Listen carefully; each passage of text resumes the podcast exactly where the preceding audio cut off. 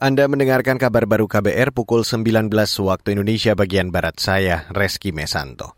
Saudara, pemerintah diminta kembali memperkuat deteksi dini, kontak telusur, hingga perawatan atau 3T untuk menyikapi melonjaknya kasus COVID-19 belakangan ini. Sebab menurut ahli epidemiologi dari Universitas Griffith Australia, Diki Budiman, saat ini pemerintah terkesan mengendurkan aspek 3T.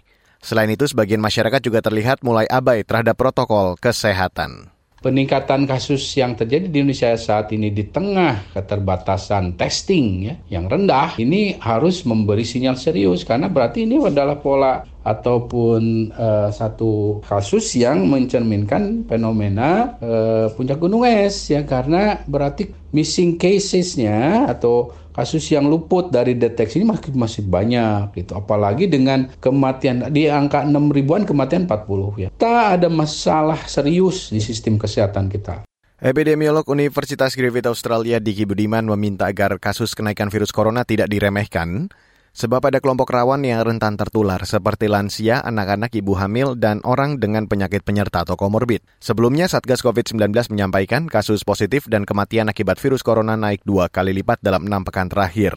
Penyebabnya antara lain karena abai prokes dan capaian vaksinasi yang belum merata. Beralih ke berita selanjutnya, Saudara, potensi ekonomi keuangan digital atau EKD di Indonesia akan mencapai 30 persen dari produk domestik bruto atau PDB nasional pada 2030. Hal ini disampaikan Deputi Gubernur Senior Bank Indonesia atau BI, Destri Damayanti dalam puncak acara Teknologi Keuangan Indonesia yang keempat di Jakarta hari ini. Di tahun 2030 kan sekitar size-nya sekitar 360 miliar US dollar untuk ekonomi keuangan digital. Dan kalau kita lihat GDP kita sekarang kan sekitar 1 triliun plus plus ya US dollar. Artinya kan sudah 30% lebih itu ekonomi kita based on EKD, ekonomi keuangan digital. Kemudian juga kalau kita lihat penetrasinya, tadi kita bicara inklusi dan sebagainya. Justru dengan ekonomi keuangan digital ini, maka inklusivitas dari target ekonomi bisa tercapai dengan relatif cepat.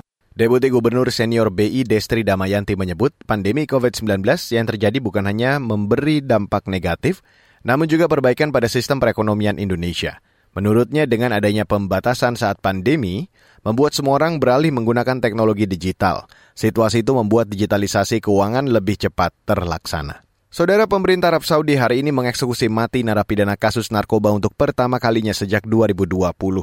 Dilansir dari AFP, Saudi Press Agency, melaporkan bahwa dua warga Pakistan yang merupakan narapidana kasus narkoba dieksekusi mati di ibu kota Saudi, Riyadh. Kedua warga Pakistan itu dieksekusi mati karena menyelundupkan heroin. Eksekusi tersebut mendapat kecaman Amnesty International karena dinilai bertentangan dengan moratorium hukuman mati untuk kasus narkoba di Saudi. Sebelumnya, eksekusi mati di Saudi pada 2021 lebih banyak dari tahun sebelumnya, yakni 27 kasus. Namun pada 2019, Saudi tercatat mengeksekusi 187 narapidana. Saudi terakhir kali mengeksekusi ter terpidana kejahatan narkoba pada Januari 2020.